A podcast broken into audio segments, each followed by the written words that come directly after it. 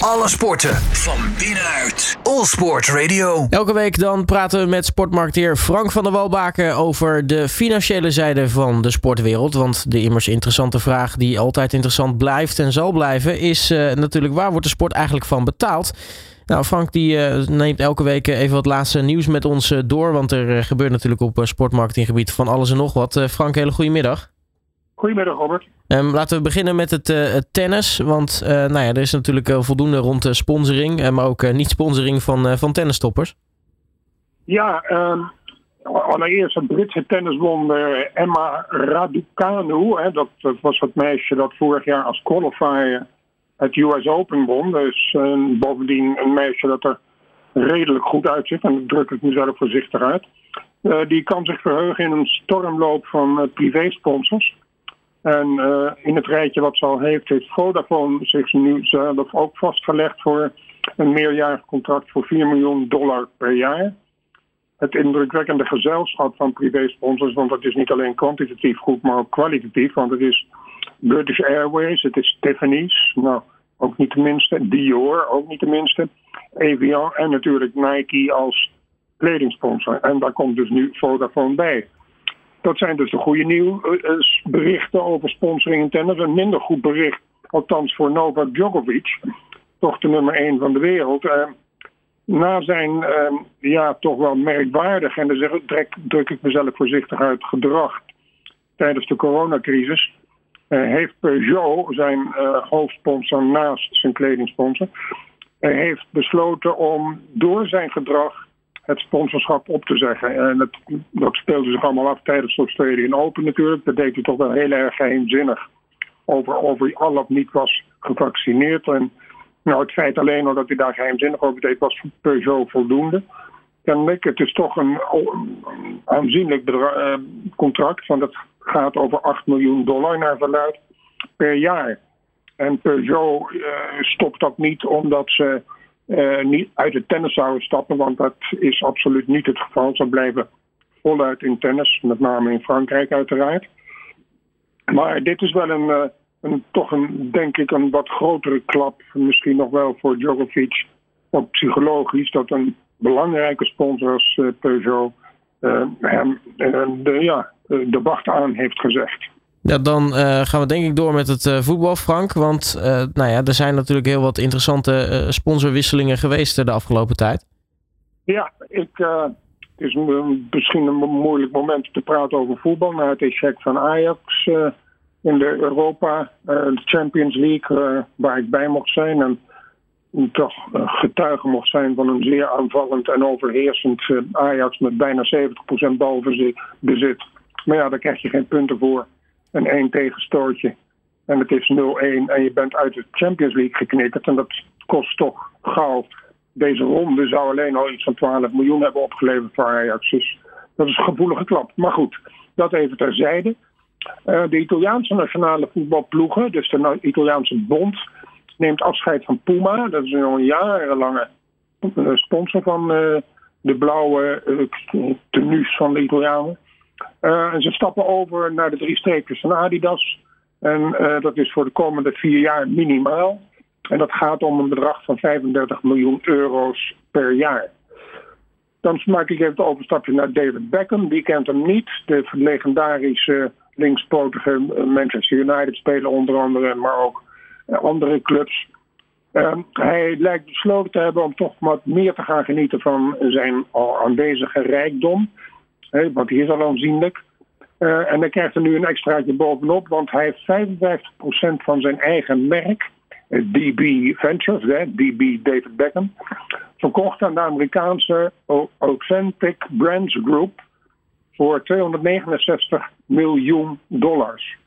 Uh, datzelfde uh, ABG, dat staat dus voor de Authentic Brands Group, kocht recent ook het Reebok-merk, ook niet linkste, van Adidas voor 2,3 miljard dollar. Dus dat ABG is een krachtig lichaam in de sport. En als we het hebben over krachtige lichamen in de sport, ehm, ook weer Amerikaans 777 partners, hè, dus drie zeventjes op een rij partners. Absoluut geen nieuwe investeerder in voetbal. Ze zijn onder andere al eigenaar van Genoa in de Serie A en Vasco da Gama uit Brazilië. Uh, en zijn tevens mede-aandeelhouder in Sevilla in de La Liga in uh, Spanje. Heeft nu Standard Luik gekocht. Uh, het bedrag is niet bekendgemaakt, maar 777 betaalde in de tijd 137 miljoen voor een meerderheidsaandeel in Vasco da Gama, 150 miljoen voor Genoa. En zou in een vergevorderd stadium zijn ook nog eens in gesprekken over het kopen van de Franse Ligue 1 club Saint-Étienne. Uh, in het verlengde van die 777 partners en in het licht van de vele eerdere berichten over met name Amerikaans geld, veel uit, uit de, de hoek van de private equity fondsen, dat geld dat zijn weg vindt naar vooral Europese sport, maar en dan met name voetbal. Kan, daar nu, kan ik daaraan toevoegen dat de meerderheid van de Italiaanse Serie A-club Atalanta Bergamo, niet onbekend bij ons Nederlanders natuurlijk, vanwege een Nederlandse injectie hier daar. En um, Hatenboer en Koopmeiners en De die daar spelen. Maar um, die, um, uh, dat, dat private equity fonds 77 Partners heeft dus nu um, een belang gekocht uh, in Atalanta Bergamo van Stefan uh, Pagliuca. Ik hoop dat ik dat ook goed uitspreek. Dat is de mede-eigenaar overigens van de NBA, de National Basketball Association Club in Amerika, de Boston Celtics. En hij is tevens baas van het private equity fonds Bain Capital. Dat is weer een ander private equity fonds dus. Maar goed, meneer Pagliati kocht 55% van de aandelen. En die kocht hij van de Percassi-familie, die zelf nog 45% behouden. De koop voor 275 miljoen euro waardeert de club dus op om en de 500 miljoen euro. Na Genova, AC Milan, Fiorentina, Spezia, AS Roma en Venezia is Atalanta Bergamo nu dus de zevende Serie A-club met Amerikaanse eigenaren. dat, dat zegt toch wel genoeg. Het is overigens wel opvallend dat de Amerikaanse kopers van die Italiaanse clubs, mm -hmm. dat zijn ook weer vaak uh, in ieder geval van origine Italianen. Als je de namen alleen al van die mensen ziet, dat zijn allemaal Italiaanse namen waar dus Italiaans bloed in zit. Dan maak ik de overstap uh, naar Engeland.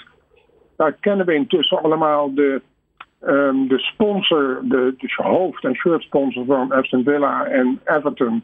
Dat is de online autoretailer Kazoo. Um, dat is drie jaar geleden opgericht door de meneer Alex Chesterman. En het leuke van deze meneer Chesterman, leuk in mijn ogen in ieder geval, is dat hij vanaf het allereerste begin heeft geroepen dat zijn volledige reclamebudget um, in sport zal worden geïnvesteerd. En tot op heden maakt hij dat ook waar. -hmm. met onder andere de shirt sponsorschappen die ik net zei van Aston Villa en Everton. En in Engeland heeft hij ook nog uh, sponsoring, sportsponsoring uh, geïnvesteerd in darts, in cricket, in golf en rugby. Maar heeft nu ook de stap gemaakt naar Europa. Dus zijn bedrijf gaat lekker kennelijk, breidt uit. En hij heeft het hoofd- en shirtsponsorschap van Real Sociedad. Uh, heeft hij verworven. En daar voegt hij nu ook nog eens Valencia aan toe voor 4,5 miljoen per seizoen het hoofdsponsorschap. En vanaf volgend seizoen zal het merk ook voor nog eens 4 miljoen op het shirt staan van de Franse League 1 club Lille. Uh, dit ergens, en dat is dan weer een tegenspraak, maar daar zit wel weer een achtergrondje achter. Terwijl datzelfde Kazoo, diezelfde meneer Chesterman, heeft deze week bekendgemaakt dat hij het shirt sponsorschap van Everton niet gaat verlengen. Dit omdat volgens Kazoo, uh, meneer Chesterman, uh, de club te veel zou vragen, namelijk 12 miljoen pond per jaar. En dat is erg veel, vind ik ook, in relatie tot de povere resultaten van de club. Uh, want per slotverrekening bivakkeert Everton op dit moment in de onderkant van de Premier League en moet ja. zelfs gaan vechten voor degradatie. het voorkomen van degradatie. Dan maak ik de overstap even naar Spanje. Ik blijf nog even in het voetbal. FC Barcelona. Um, de club heeft plannen klaar liggen om een eigen cryptocurrency te lanceren. Dus niet in zee te gaan met een sponsor, zoals vele sportbedrijven en met name voetbalclubs op dit moment doen. Eh, omdat cryptocurrencybedrijven erg aan de weg timmeren. Uh, maar uh, Barcelona wil dus de winsten die die cryptobedrijven op dit moment maken, die aanzienlijk zijn, willen ze in eigen zak houden en ze lanceren dus een eigen cryptocurrency. En dat is natuurlijk ook redelijk makkelijk als je 300 miljoen fans hebt, wat, wat, wat de club heeft, en daar hebben ze online contact mee. Dus dat is redelijk makkelijk communiceren met die mensen. En als je 300 miljoen fans kunt gaan bewerken voor crypto, ja. en eenheden, dan is dat geen slechte situatie. Uh, zij hebben ook al een ervaring opgedaan met een eerste instantie met een cryptobedrijf dat ze sponsorden, maar dat was een slechte ervaring. En een vergelijkbare slechte ervaring heeft Manchester City. Want ook daar zijn plannen in een vergevorderd stadium om het in eigen hand te gaan nemen. Overigens, over cryptobedrijven en voetbal gesproken, zelfs onze eigen KNVB heeft zeer recentelijk, uh, eind vorige week of begin deze week, een cryptobedrijf als zesde hoofdsponsor vastgelegd. Dat is Bitfavo. En dat is voor twee jaar vastgelegd. Dus ook in Nederland uh, heeft de voetballerij de cryptobedrijven gevonden als sponsors. En als we het hebben over die cryptobedrijven, een recente studie vanuit Engeland geïnitieerd geeft aan dat sponsoring in de sport door blockchain en cryptobedrijven in 2026, dus over vier jaar, mhm. een bedrag zal benaderen van 5 miljard dollars. Zo. Dat is 778% meer dan nu. Uh, dus, dus, dus ik kan me voorstellen dat heel veel voetbalbedrijven niet alleen kijken naar cryptobedrijven als sponsor, maar dat wat Barcelona en Manchester City nu doen. Ook om het maar zelf te gaan doen. Want dan verlies je, of dan verlies je niet de marges die je moet gaan betalen als het een sponsor betreft. Overigens in Nederland alleen al, waar we toch wat ja, voorzichtiger zijn en wat meer Calvinistisch zijn dan in andere landen. Maar we hebben in Nederland ook al 1,6 miljoen mensen in bezit van cryptovaluta. Dus ik kan me voorstellen dat de KNVB daar ingestapt is. Dan tenslotte nog even, we staan ook weer aan de vooravond van de start van het Formule 1 seizoen natuurlijk. Uh, Zeer benieuwd hoe het allemaal gaat met die nieuwe auto's. En met Max natuurlijk met nummer 1 rijdend als wereldkampioen. Uh, het, het, het hele circus heeft natuurlijk veel sponsors.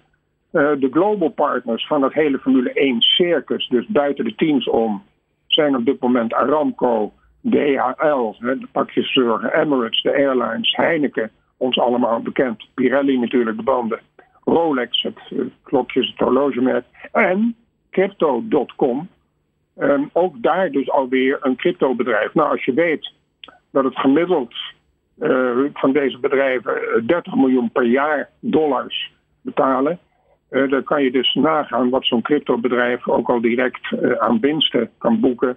Als ze al direct ook als sponsor kunnen worden van Formule 1 circus.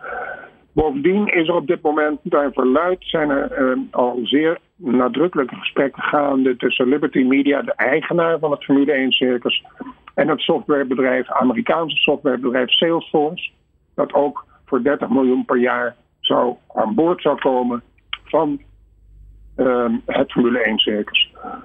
Nou, um, dan tenslotte nog even, ja, de sponsors van de teams.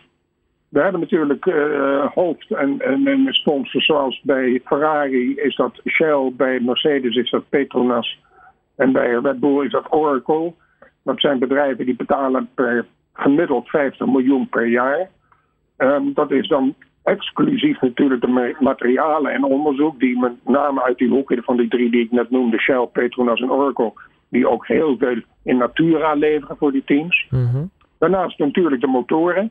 Hè, want zo levert Mercedes niet natuurlijk aan het eigen uh, team, maar ook voor vier andere teams. Hè, aan, of aan drie andere teams, aan McLaren, Aston Martin en Williams. En Ferrari levert ook uh, aan twee andere teams, Alfa Romeo en Haas. Uh, dus het, is, uh, het circus barst weer los. En ik ben ervan overtuigd, Robert, dat jij er net zo op verheugt als ik. Dus ik zit zondag voor de buis. En moet dan een beetje, ja, natuurlijk zeppen. Want uh, we hebben ook de topper Ajax Feyenoord op zondag. Ja, het wordt, het wordt een interessante televisiedag op, op zondag. Maar hoe dan ook, fijn dat het Formule 1 seizoen in ieder geval weer begint. Daar hebben we natuurlijk lang genoeg op moeten wachten in de tussentijd. Frank, van de, Frank van der Walbaken, mag ik u hartelijk danken voor je tijd deze week. En spreek je natuurlijk snel weer.